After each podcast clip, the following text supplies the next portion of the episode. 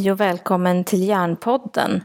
En podcast på svenska för alla som har en hjärna och vill använda den bättre. Jag heter Kristina Bär och är din värd på Hjärnpodden. Hjärnpodden drivs av mig i samarbete med Hjärnfonden. Och Hjärnfonden är en ideell insamlingsstiftelse utan statligt stöd som har till uppgift att samla in och fördela pengar till forskning samt informera om hela hjärnan och alla dess sjukdomar, skador och funktionsnedsättningar. Hjärnfonden är helt beroende av gåvor och testamenten från privatpersoner och av företagssamarbeten. Så om du tycker om Hjärnpodden och du tycker hjärnan är viktig, ge en gåva på hjärnfonden.se och stöd hjärnforskningen.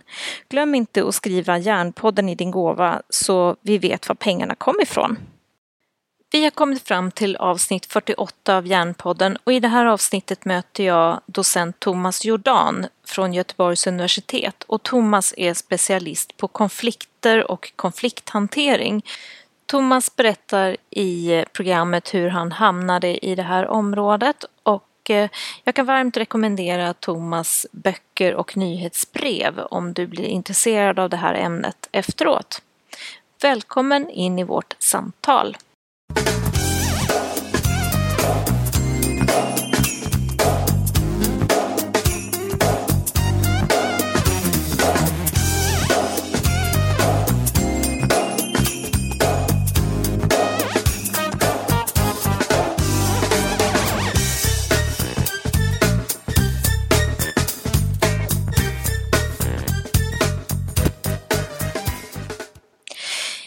och välkommen till Järnpodden. Idag har jag med mig Thomas Jordan som är en av mina favoriter och idoler som jag har följt länge på håll. Och därför är det extra roligt att välkomna Thomas. Välkommen Thomas. Tack ska du ha. Tack ska du ha. Ehm, vi ska idag prata lite om ditt specialistområde, men jag tänkte att du ska få berätta lite om dig själv först. Var, var, hur hamnade du i ditt fält? Ja, det är ju förstås egentligen en lång historia men i grund och botten har det att göra med att jag eh, dels drivs av en sån här eh, världsförbättrariver som har eh, lett mig i lite olika riktningar i livet. Eh, det ledde mig till att studera ekonomi men väldigt tidigt så var jag väldigt intresserad av psykologi också. och eh, mina kontakter under Ehm, forskarutbildningstiden som doktorand med fredsforskarna i Göteborg gjorde att jag tyckte att eh, det här med konflikter var ett väldigt spännande område att jobba med därför att det gick att förena många av mina intressen där eh, för samhället, hur samhället eh, fungerar men också för eh, psykologi och det är ju helt enkelt konkret så att i konflikter så är det någon som vill förändra någonting. Och det gör ju att det blir väldigt meningsfullt att jobba med konflikter. Det handlar om angelägna frågor. Just det. Och hur länge har du jobbat med det här nu? Sedan början på 90-talet. Mm, det är ett tag. Ja. Mm. Spännande. Så eh, vi ska prata lite grann om konflikter och konflikthantering på jobbet idag. Mm. Eh, och eh, jag tänker, eh, hur ska man förstå konflikter på jobbet? Varför ska man jobba med det? Eh, det finns ju många olika skäl. Eh, ett skäl är ju just det där med att eh, konflikter har allt att göra med att det är någon som har önskemål om att saker borde vara annorlunda än de är. Och tar man det på allvar och jobbar med det så kan man ju förbättra hur relationer fungerar men också hur verksamheter fungerar. Och det är ju väldigt önskvärt att, eh, att man tar vara på den möjligheten. Sen finns det ju de mera så att säga negativa anledningarna att eh, förebygga dålig stämning, att folk mår dåligt, att kommunikationen inte fungerar, att eh, kvaliteten blir lidande och den typen av saker. Konflikter täcker ju en, en steglös skala från mer eller mindre triviala saker till sånt som kan bli livskriser och som kan få verksamheter att kollapsa helt och hållet. Mm. Och jag gillar ju synen på att en konflikt är någonting när någonting vill, ska förändras eller när, när det finns någon som vill att saker ska förändras. Mm. Det behöver ju inte vara förenat med så mycket kollision. Jag märker det att det blir en lättnad för många att eh, se det så att konflikter har att göra med att det är någon som har önskemål som blir blockerad av någon anledning. Och det, det gör ju konflikter väldigt begripliga och eh, det avdramatiserar också. Eh, sen är det inte därför säkert att det är så himla lätt att hitta lösningar men det gör det ändå mer begripligt och är det begripligt så är det inte lika obehagligt att gå in i det. För mitt perspektiv, är, jag jobbar ju med handledning av ledare och chefer och där är det ju ofta det de kommer med är ju konflikter. Ja. Med medarbetare eller mellan andra chefer eller ekonomiska konflikter. Man måste göra någonting som man inte vill. Ja. Mm. Eh, och då är ju det väldigt befriande att se det, att det är någonting som vill hända här. Mm. Eh, så att om vi ska titta på konflikter på en arbetsplats. Hur upplever du att man ska tänka kring konflikter om man nu är ledare och eh, märker att det finns en spänning eller vad man nu ska säga? Ja, det är ju förstås så himla beroende av omständigheterna men om man börjar i den ändan att man att man faktiskt ställer sig frågan vad finns det för blockerade önskemål här? Vad har jag för blockerade önskemål? Och det gäller ju även om man uppfattar att det finns samarbetssvårigheter eller spänningar mellan andra och att man själv inte är direkt part så är det ju ändå så att eh, det angår en själv genom att man själv har önskemål om att Eh, samarbete samarbetet ska fungera eller att eh, det ska vara på ett visst sätt eller att vissa saker inte ska förekomma eller så. Och det, det är ju väldigt bra att ha klart för sig det. Vad, vad, vad är det för önskemål det är frågan om? Och när man det är inte alltid så lätt att vaska fram det och formulera det utan det kan man kanske upptäcker att man vet inte riktigt. Man, man märker att här finns en spänning, eller här finns ett missnöje eller här gnälls det eller någonting sånt. Men riktigt vad konkret det är som man är missnöjd med eller vill ändra på, det är inte alltid så glasklart. Så i den ändan kan man ju börja att Eh, kanske då dels själv försöka formulera det för sig och märker man att man faktiskt inte vet då får man ju luska lite. Mm, just det, och det är det här som ibland kan vara svårt eh, som ledare, att man märker att det är ett missnöje men man får inte ut det av något skäl. Mm.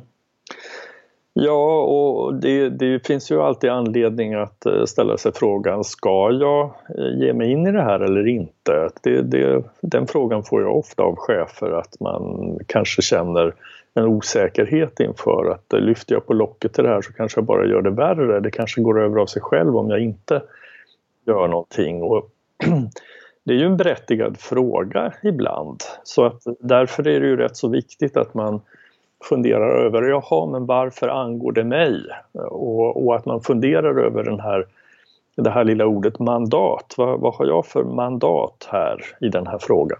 Mm. Och är det nu chefer vi pratar om så brukar jag alltid säga så här att eh, som chef är man ansvarig för att en viss verksamhet ska fungera. Och är det så att det finns samarbetssvårigheter som påtagligt påverkar kvalitet och effektivitet eller arbetsmiljö, då har man ett mandat att, att ingripa i det. Men det där ingripandet behöver ju inte vara så himla dramatiskt. Alltså man kan ju bara skicka en signal om att jag, jag märker att, eh, att här är det dålig stämning eller spänd stämning eller någonting sånt. Och kommer det då ett förnekande eller ingenting så kanske det räcker som ett första steg. Man har visat att eh, jag märker att det är någonting här. Och men fortsätter det och, och det, effekterna är påtagliga, ja, då får man kanske trappa upp interveneringen lite, lite mer och ställa lite mera följdfrågor och eh, peka på de sakerna som man själv märker blir påverkad eller inte fungerar bra. Ibland måste man också insistera på att det här måste vi lösa. Mm.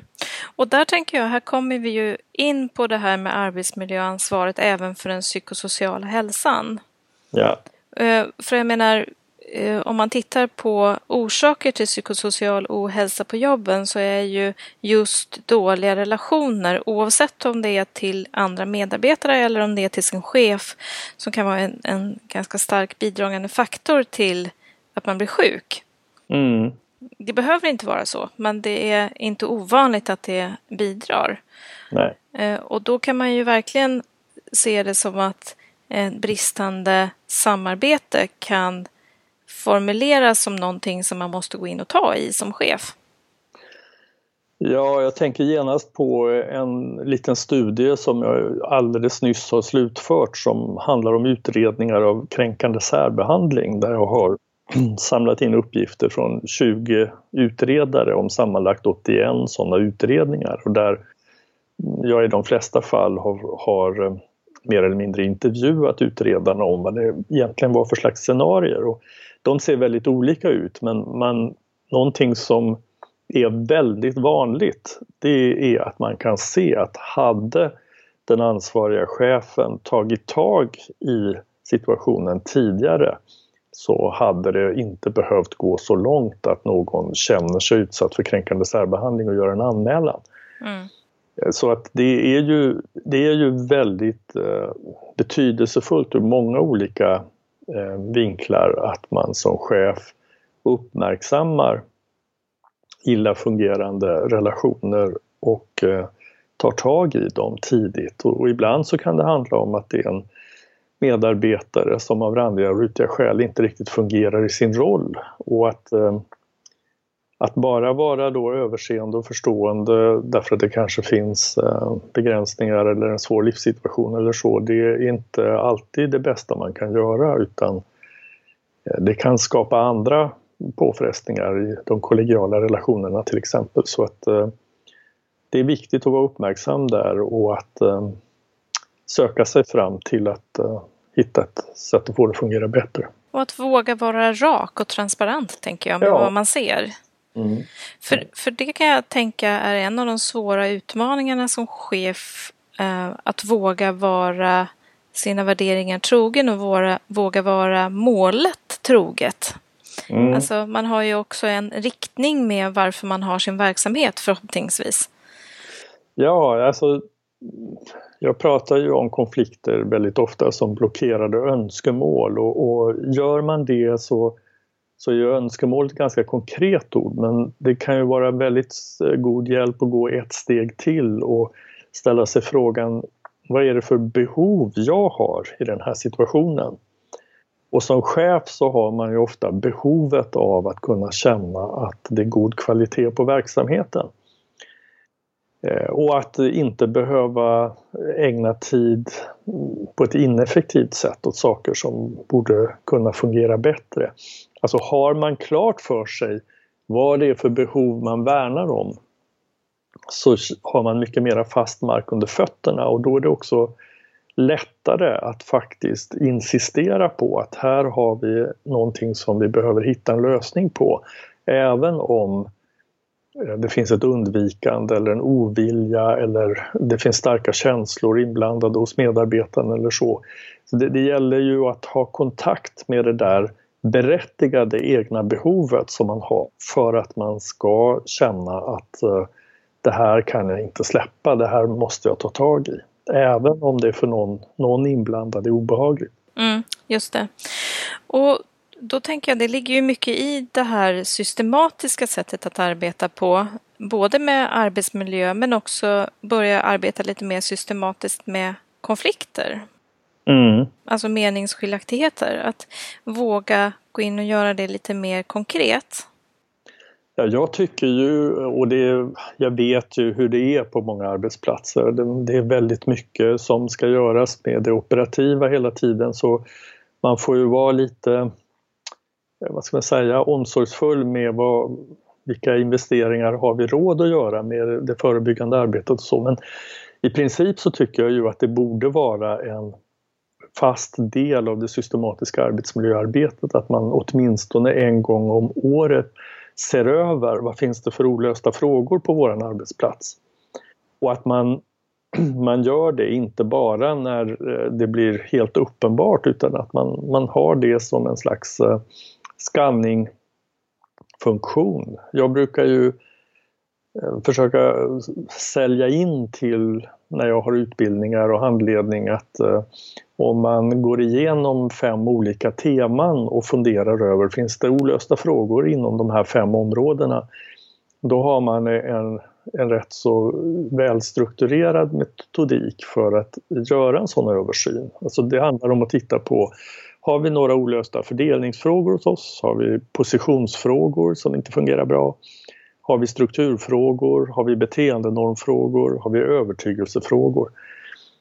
Och det, det gör det konkret och, och, mycket lättare att associera kring. Och när man då faktiskt har identifierat de frågor som ligger och skaver och som kanske genererar lite frustration och, och rådlöshet och kanske en känsla av maktlöshet eller inte bli hörd eller så.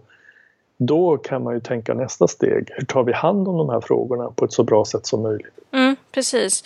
Och där, jag pratade ju med Malin Loela Karlsson här i går. Det kommer ju inte bli igår när man lyssnar på det här, men eh, intervjun skedde igår och vi pratade just om det här med att våga se att det här är också ekonomiskt försvarbart och titta på interventionen.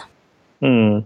Eh, och det tycker jag, för många kan tänka, ja men hur mycket energi ska vi lägga på det? Men just det här att systematiskt titta på det tidigt gör ju att man inte heller behöver hamna i situationen kanske på sikt med utköp?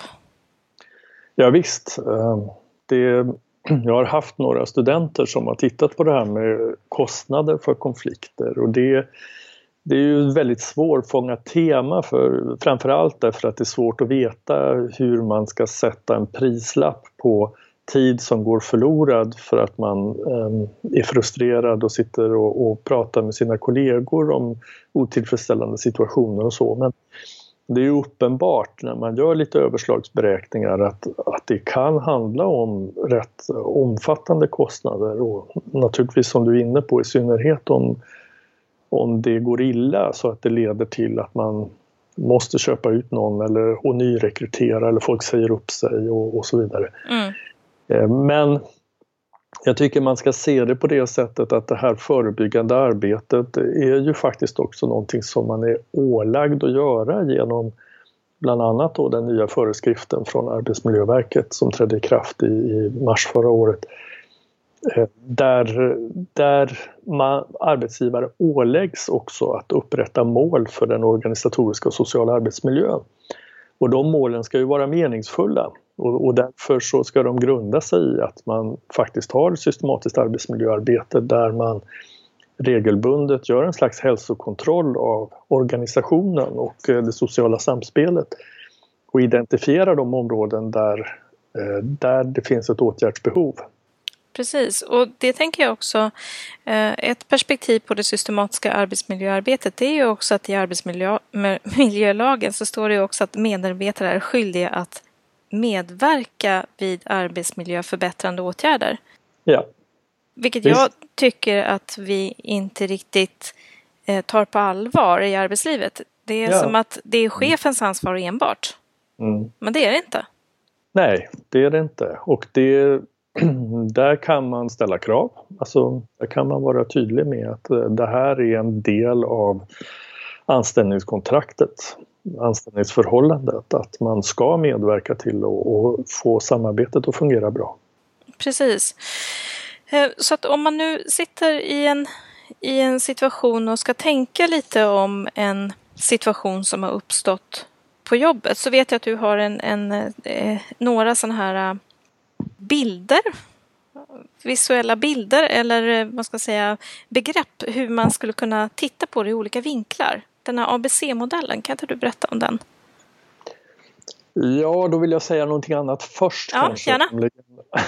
Nämligen att jag, jag, tycker att eh, man, det är jätteviktigt att man har med sig det här med att eh, är det konflikter, vare sig de nu är till att börja med små eller lite större, så är det nästan alltid så att det är omständigheter på tre olika nivåer som medverkar till att de här konflikterna uppstår.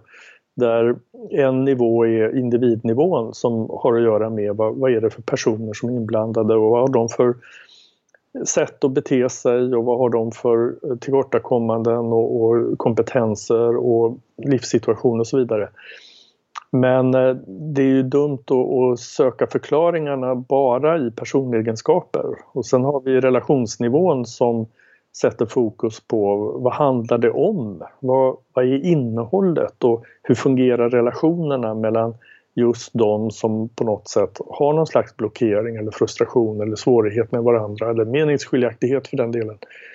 Men sen så har vi för det tredje också systemnivån som har att göra med att vad är det för egenskaper i organisationen som tillåter att konflikter uppkommer och fortsätter eller kanske till och med skapar dem genom otydlighet i mål och roller och ansvarsfördelning och sånt. Så när det faktiskt uppstår en besvärlig situation på något sätt som man behöver ta tag i så tycker jag man ska inte vara för snabb med att tro att man vet varför de här problemen uppstår genom att bara ta fasta på en av de här nivåerna. Och det, det är det jag vill säga innan vi säger mm. någonting om den här ABC-modellen. För ABC-modellen är ett förnämligt bra redskap. Men samtidigt är det så att den leder blicken just mot den här relationsnivån. Alltså vad är det som utspelar sig mellan de direkt inblandade parterna just nu? Och det gör då att eh, går man för snabbt in på den så kanske man glömmer att titta efter på eh, är det så att det, det, det finns viktiga omständigheter här som har med organisation eller individer att göra. Just det. Precis, och det är väl också det där som man kan fånga i en handledningssituation om det behöver gå så långt, att man kan titta mycket på kontexten. Ja. Är det tydligt här? Vet person A vad, vad han eller hon ska göra? Mm. Överhuvudtaget. Ja. Vet de spelreglerna? Ja, och eh, naturligtvis eh, inte bara arbetsorganisation i den meningen att det finns en tydlighet utan också det stöd som organisationen ska erbjuda. Finns det forum för att lösa de frågor som är angelägna för de inblandade? Ibland är ju förklaringen till konflikter att eh, det helt enkelt har saknats former för att lösa vissa frågor som folk inte vet vart de ska ta vägen med och då går de omkring och är frustrerade istället. Mm. Eh, jag ser ju precis individ, relationsnivå och systemnivå att de här tre olika nivåerna behövs lyftas. Eller åtminstone i tankeprocessen innan man går in och försöker göra något. Ja, man bör ha antennerna ute på alla tre nivåerna löpande och, och se vilken roll de spelar för att eh, det öppnar ju också väldigt tydligt för tankar kring vad kan man göra åt situationen? Är det någonting som vi behöver göra i relation till just en viss person på grund av att den personen är som den är eller har den roll den har eller så? Vad behöver göras i förhållande till de faktiska kommunikationssvårigheter eller meningsskiljaktigheter som, som finns just nu? Och vad behöver göras för att skapa sådana organisatoriska förutsättningar att det råder klarhet och att det finns stöd för att lösa frågor som behöver lösas. Mm, just det. Toppen! Då är, har vi de tre olika nivåerna eh, för ögonen när vi går in i ABC-modellen. Just det. Så ABC-modellen den kommer ju från norske fredsforskaren Johan Galtung och är en förrädisk, enkel modell kan man säga, men den, den är väldigt kraftfull. Så den, det är en triangel som har tre hörn och där det blir väldigt snabbt ett språk där man kan prata om A-hörnet, B-hörnet och C-hörnet. Där C-hörnet, där står C för konflikt ursprungligen men eh, man kan säga att C-hörnet handlar om frågan, vad är det för sakfrågor som har uppstått här? Vad finns det för blockerade önskemål? Vad är det som är mellan parterna där de inte kommer vidare därför att de har önskemål som är blockerade av någon annan? Så C-hörnet är väldigt handfast konkret. Vad handlar det om egentligen? Varför, varför kommer man inte vidare? Eh, vad, vad, är det som står på spel? Eh, men det är väldigt ofta så i konfliktsituationer att man kan när man har tittat efter ordentligt i C-hörnet och tittat vad, vad är det för frågor så det handlar om så är det inte sällan som man konstaterar att ja men det här borde väl gå att lösa. Mm, så att det är kanske alltid där problemet sitter och i synnerhet när det är konflikter där parterna själva inte kommer vidare och behöver hjälp så den hjälp de behöver handlar i allmänhet inte att komma på rättvisa bra lösningar på sakfrågorna utan den handlar om att få hjälp att eh, få igång lite rörelse eller förändring i de andra två hörnen. Då. Så att B-hörnet, där står ju B, B förstås för beteende. Mm. Och där kan man ju Tittar man efter i B-hörnet så tittar man efter, ja men hur bär sig de inblandade parterna åt när de nu har en olöst fråga framför näsan? Och då kan man ju se att många gånger så är de sätt att agera, de beteenden som finns, de leder inte till att det blir lättare att lösa frågorna utan de, de kanske snarare försämrar relationerna och möjligheterna att lösa frågor. Och det beror på att parterna redan har försökt olika sätt att komma till rätta med, med problemen men upplever att den andra är oresonlig eller går inte att prata med eller står i vägen. Då blir man mer och mer frustrerad och då blir det frustrationen som styr agerandet istället för någon slags eh, målmedvetet försök att komma, komma närmare en lösning. Mm, och också det, tänker jag tanken, man tappar det här common good, alltså vinna-vinna som lösningsfokus. Ja, och det, det har ju väldigt mycket att göra med hur de inblandade parterna ser på orsakerna till att man inte kommer vidare. Att man, och det har ju då i sin tur med A-hörnet att göra. Men eh, B-hörnet uppmärksammar ju oss på då att det kan finnas anledning att lägga sakfrågorna åt sidan ett tag och bara fokusera på vad är det för beteenden som vi behöver använda för att det ska bli lättare att hantera sakfrågorna? Och det, tänker man på det på det sättet så är det ju ganska uppenbart att eh, det, det, det hjälper ju mer om man lyssnar på vad andra säger. Om man eh, fokuserar på att försöka hitta görbara lösningar, om man försöker vara konstruktiv istället för anklagande och så vidare. Det, det är ganska enkelt att göra listor på beteenden som försvårar lösningar och beteenden som underlättar lösningar. Och det parterna ibland behöver hjälp med det är just då faktiskt förändra sina beteenden. Att minska på de beteendena som gör det svårare att komma till tals och lösa frågor. Och öka på de beteendena som ökar chanserna att man, man kommer någon vart. Och sen har vi då A-hörnet som handlar om allt det där som försiggår inuti parterna. A stod ju då ursprungligen för attityder. Men, men egentligen så är det ju bredare än så. Det handlar om hur tolkar parterna situationen? Vad har de för bilder av varandra? Vad är det för känsloreaktioner som har gått igång?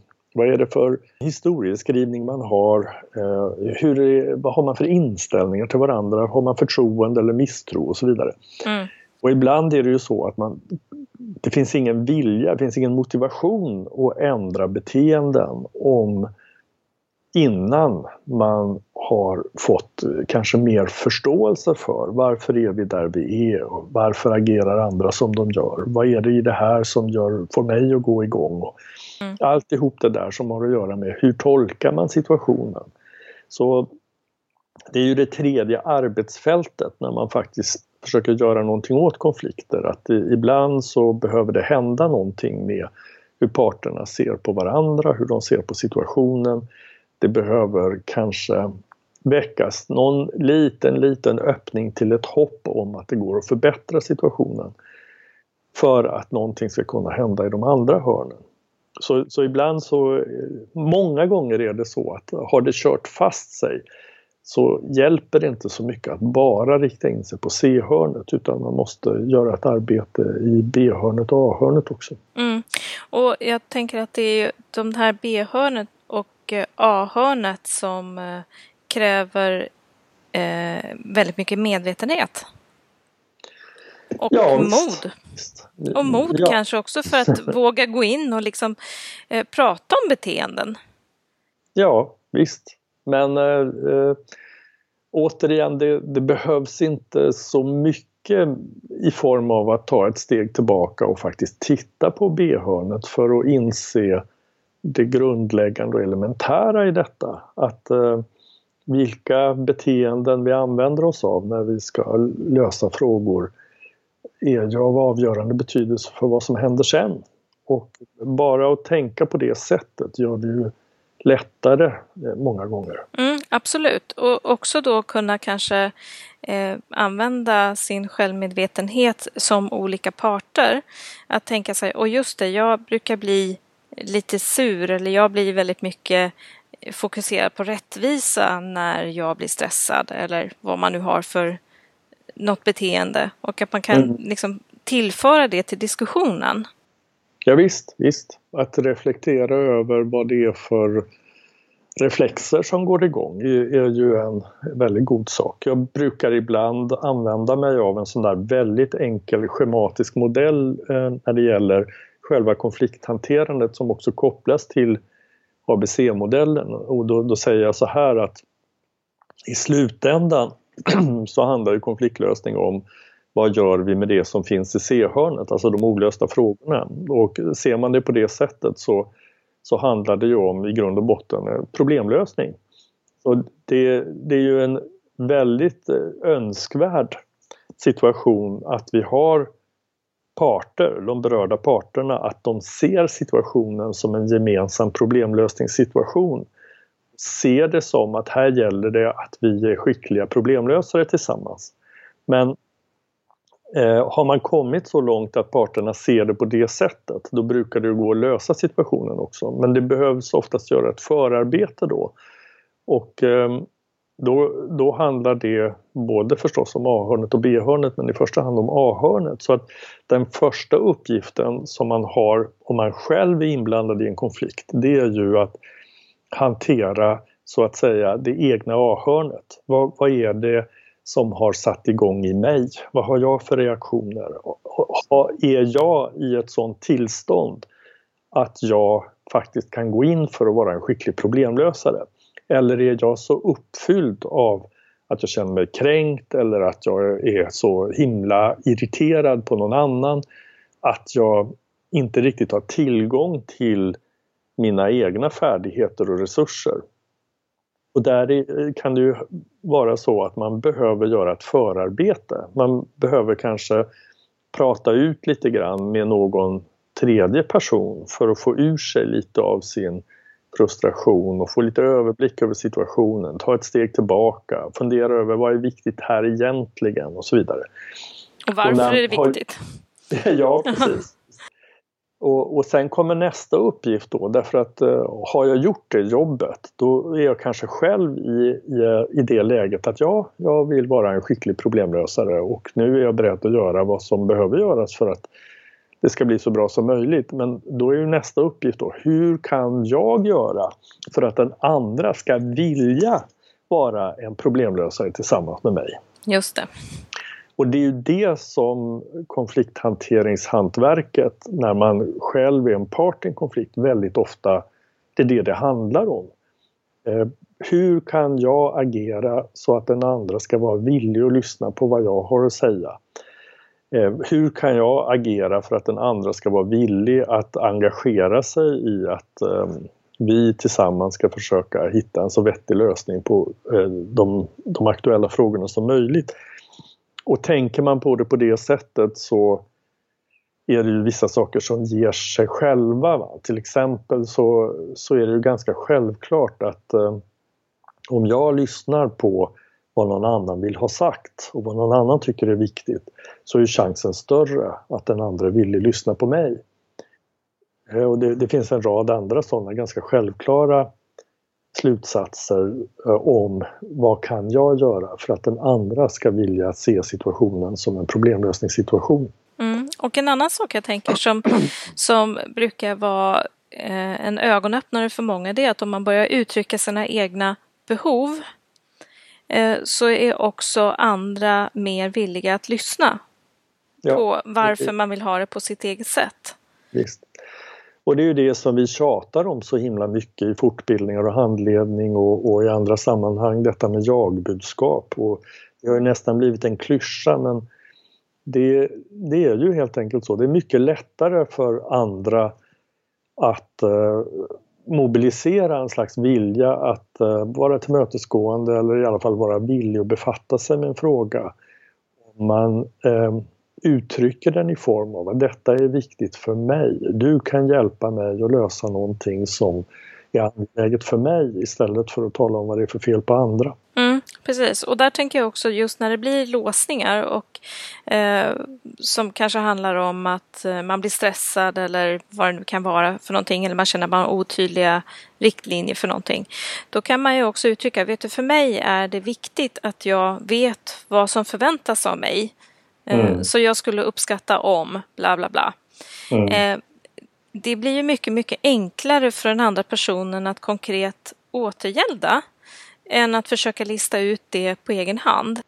Visst. Men precis som du säger så förutsätter ju detta en, en hel del medvetenhet, att man själv är i kontakt med och kan formulera inför sig själv och sedan för andra. Vad handlar det här om för mig? Vad, vad är anledningen till att eh, jag går igång på den här frågan? Och det är inte alltid så lätt. Eh, Nej. Dels eh, har man kanske inte tänkt på det på det sättet och, och dels så kan man i en situation vara så frustrerad att det är känslorna som tar över. Mm. Ofta är det ju så, tror jag, att, att känslorna tar över när det är just någonting som, mm. som liksom är ett ouppfyllt, ouppfyllt behov. Liksom. Mm. Jag tänker på en sak som, som jag bara möts av många gånger när jag sitter med chefer det är att de ställer frågan så här, men vänta nu, är det här mitt jobb att ta hand om den här konflikten i min grupp? Mm. Ja, visst. Eh, för att det känns som att för, för chefer så förstår de inte att det här ingår i ledarjobbet i chefskapet. Liksom. Det är inte bara administrativa uppgifter man har utan som chef så är man också ledare och det här ingår ju i ledarskapet. Ja, då tänker jag genast på att eh, någonting som jag inte sa inledningsvis då att jag har nu sedan faktiskt mitten på 80-talet intresserat mig för området vuxenutvecklingspsykologi. Mm. Och det området handlar ju väldigt mycket om vad är det vuxna människor är medvetna om och inte medvetna om. Vad är det man uppmärksammar och inte uppmärksammar? Och när man nu har hållit på med detta i 30 år så är det för mig då en sån självklarhet att vad människor reflekterar över och inte reflekterar över, det varierar väldigt mycket.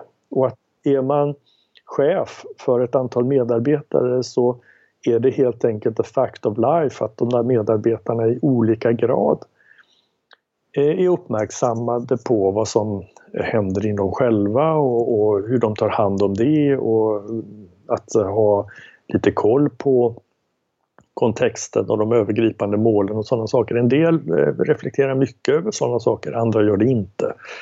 Och det, det är ju helt enkelt så att det ingår i ledarrollen att eh, kompensera för den ja, vad ska vi säga, brister i medvetenhet som naturligen finns överallt där man har med människor att göra.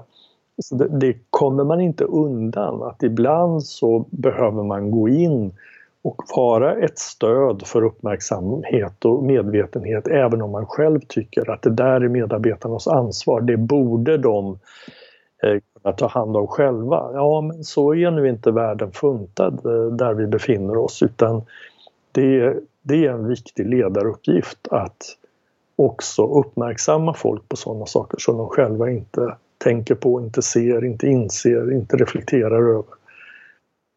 Så att egentligen kan man säga att, att är man ledare så har man nytta av att öka sin medvetenhet för sin egen del men också för att vara medveten om andra. Alltså om man ökar sin egen medvetenhet så är man duktigare på att identifiera brister i medvetenhet hos andra. Ja, absolut. Det, så är man ledare i den meningen att man är ansvarig för att människor ska kunna samarbeta för att nå verksamhetens mål så blir ju detta också ett centralt arbetsredskap. Jag behöver ha koll på mig själv naturligtvis och, och vad som är viktigt för mig och vad jag har ansvar för, vilken roll jag har i det system jag befinner mig i. Men jag behöver också se eh, vad är det som behövs i de roller som finns på arbetsplatsen av uppmärksamhet, medvetenhet eh, hos medarbetarna och i den mån som det svajar där så är det faktiskt eh, en viktig del av ledarrollen att eh, arbeta med det. Verkligen. Eh, finns det någonting mer som du tycker att vi ska skicka med lyssnarna när det gäller konflikter och, och konflikter på arbetsplatsen? Det blir ju lite kort förstås ja, från all din kunskap sådär. Men, men finns det någonting som du känner är ett viktigt take home message? Eh, ja, det är väl två saker kanske då lite spontant sådär. Det ena är förstås att uh, tänka över vad kan jag göra om jag nu är chef till exempel för att göra det så lätt som möjligt att lösa frågor på arbetsplatsen. Eh, det vill säga, vad behöver vi för forum för att eh, kunna lösa frågor? Och det innefattar ju det där med att skanna av vad är det för frågor som vi på grund av den verksamhet vi bedriver regelbundet eller oregelbundet faktiskt behöver kunna lösa. Då. Eh, så, så, att tänka förebyggande på det sättet. Hur ser vi till att trösklarna är låga till att ta upp de frågor som behöver tas upp? För att om de inte tas upp så ligger de och skaver. Det är det ena. Det andra är ju helt enkelt att jag kan bli förbluffad över bristen på öppen kommunikation många gånger. Mm. Att, att, eh, att arbeta med att eh, göra det till någonting naturligt, att man väldigt tidigt pratar om det man behöver prata om och pratar direkt med den det berör om det. det eh, jag förstår ju, man blir ju lite yrkesskadad när man håller på sånt här men jag förstår ju att ibland så känns det kanske inte så lätt att göra det men det är ju en viktig ledarroll att eh, arbeta med kommunikationskulturen på arbetsplatsen. Att göra det till en, i så hög grad som möjligt göra det till en självklarhet att man ger varandra återkoppling och att man prestigelöst pratar om saker och ting, att man jobbar på förmågan att kunna ta emot återkoppling från andra och kunna ge andra återkoppling på ett eh, konstruktivt sätt och så. Det har ju inte alls bara med konflikter och konfliktförebyggande och konfliktlösning att göra utan det är ju centralt för god kvalitet på verksamheten överhuvudtaget. Mm, verkligen. Och en annan sak som jag tänker just med det här med kommunikation, att våga ställa nyfikna, icke-dömande följdfrågor på sånt ja, man inte förstår. Mm. Alltså om det är någon som har en liten snäv eller en, en liten vass ton i, i en, en diskussion eller någonting på jobbet. Att mm. ställa frågan, hur tänker du nu? Berätta mer. Vad är det du mm. ser som inte jag ser? Ja, där har vi kanske också någonting att jobba med som är lite inbyggt i den svenska kulturen därför att eh, vi, vi har starka normer i Sverige kring att man inte ska ställa till med obehag för andra människor. Att vi, vi är ansvariga för att andra inte ska tycka att det är jobbigt och obehagligt. Och där eh, skulle vi behöva ibland vara lite mer tydliga och envetna. Att eh, inte göra ett litet tafatt försök och sen när, det inte, när vi stöter på motstånd dra oss tillbaka utan faktiskt insistera på att det här är en fråga som behöver redas ut och inte ge sig där. Och jag tänker också att om man då har en liten vass kommentar som annars får ligga i rummet så blir ju det eh, inte bra för den som har sagt det. Eh, för att alla kommer bli lite oroliga kring det området eller den personen. Eh, mm. Och det kommer inte heller bli bra för någon annan om man är tyst. För att det blir ju en, en accept för någonting som man inte tycker om i gruppen. Så jag tror att de här nyfikna frågorna, vänta nu, hur tänker du nu? Berätta mer. Mm. Ja. Alltså att inte ge sig kan vara ett sätt att tidigt som arbetsgivare men även faktiskt som medarbetare, alltså kompis med den här personen som säger någonting, att vi vågar vara raka med varandra. Absolut, och, och varje sån incident är också formande för normerna yeah. för hur vi kommunicerar och umgås med varandra. Så varje gång som man faktiskt ställer en sån fråga som du säger så eh, bidrar det till att bilda normer för vad man pratar om och vad man inte pratar om. Och varje gång man underlåter att ta tag i en sån situation så skickar man ju signalen om att sånt pratar vi inte om eller det här eh, är jobbigt och obehagligt och det vill vi inte befatta oss med och så. Så att det är viktigt att tänka på det att varje sån incident är ett tillfälle att smida på normerna för hur man samarbetar och kommunicerar. Mm. Och också tänker jag att ansvars ansvarsgöra, om det nu är ett ord överhuvudtaget, men jag tänker att, att göra personen som, som skickar giftiga kommentarer ansvarig för vad den kommunicerar. Ja. På något Visst. sätt. För att annars så kommer vi inte åt frågan. Mm. Mm. Eh, Thomas, superspännande att jag har fått intervjua dig och eh, jag är jättetacksam att du har tagit dig tid för intervjun i Järnpodden. Mm, roligt att prata om sådana här saker. Ja, visst är det. Det är jättespännande. Mm. Tusen tack för att du var med och eh, jag hoppas att få ha dig med i podden i något annat sammanhang. Mm, tack själv, vi tack. hörs. Tack så mycket. Hej. Du har lyssnat på Järnpodden avsnitt 48. Intervjun var med Thomas Jordan som är docent och universitetslektor på universitetet i Göteborg. Thomas har skrivit flera utmärkta böcker om konflikter och nås lättast på sin hemsida perspektus.se. Jag kan även varmt rekommendera de nyhetsbrev som Thomas skickar regelbundet eh, under terminerna och även de kurser som han håller. Om du tycker hjärnan är intressant och viktig så glöm inte att gå in nu på hjärnfonden.se och lämna ditt bidrag. Och märk din gåva med Hjärnpodden så vi vet var pengarna kommer ifrån. Vill du ha kontakt med mig så mejlar du på kristina.exist.se eller kommenterar på Facebook eller på poddens sida antingen på iTunes eller på exist.se eh, under Hjärnpodden. Hej så länge och på återhörande i Järnpodden.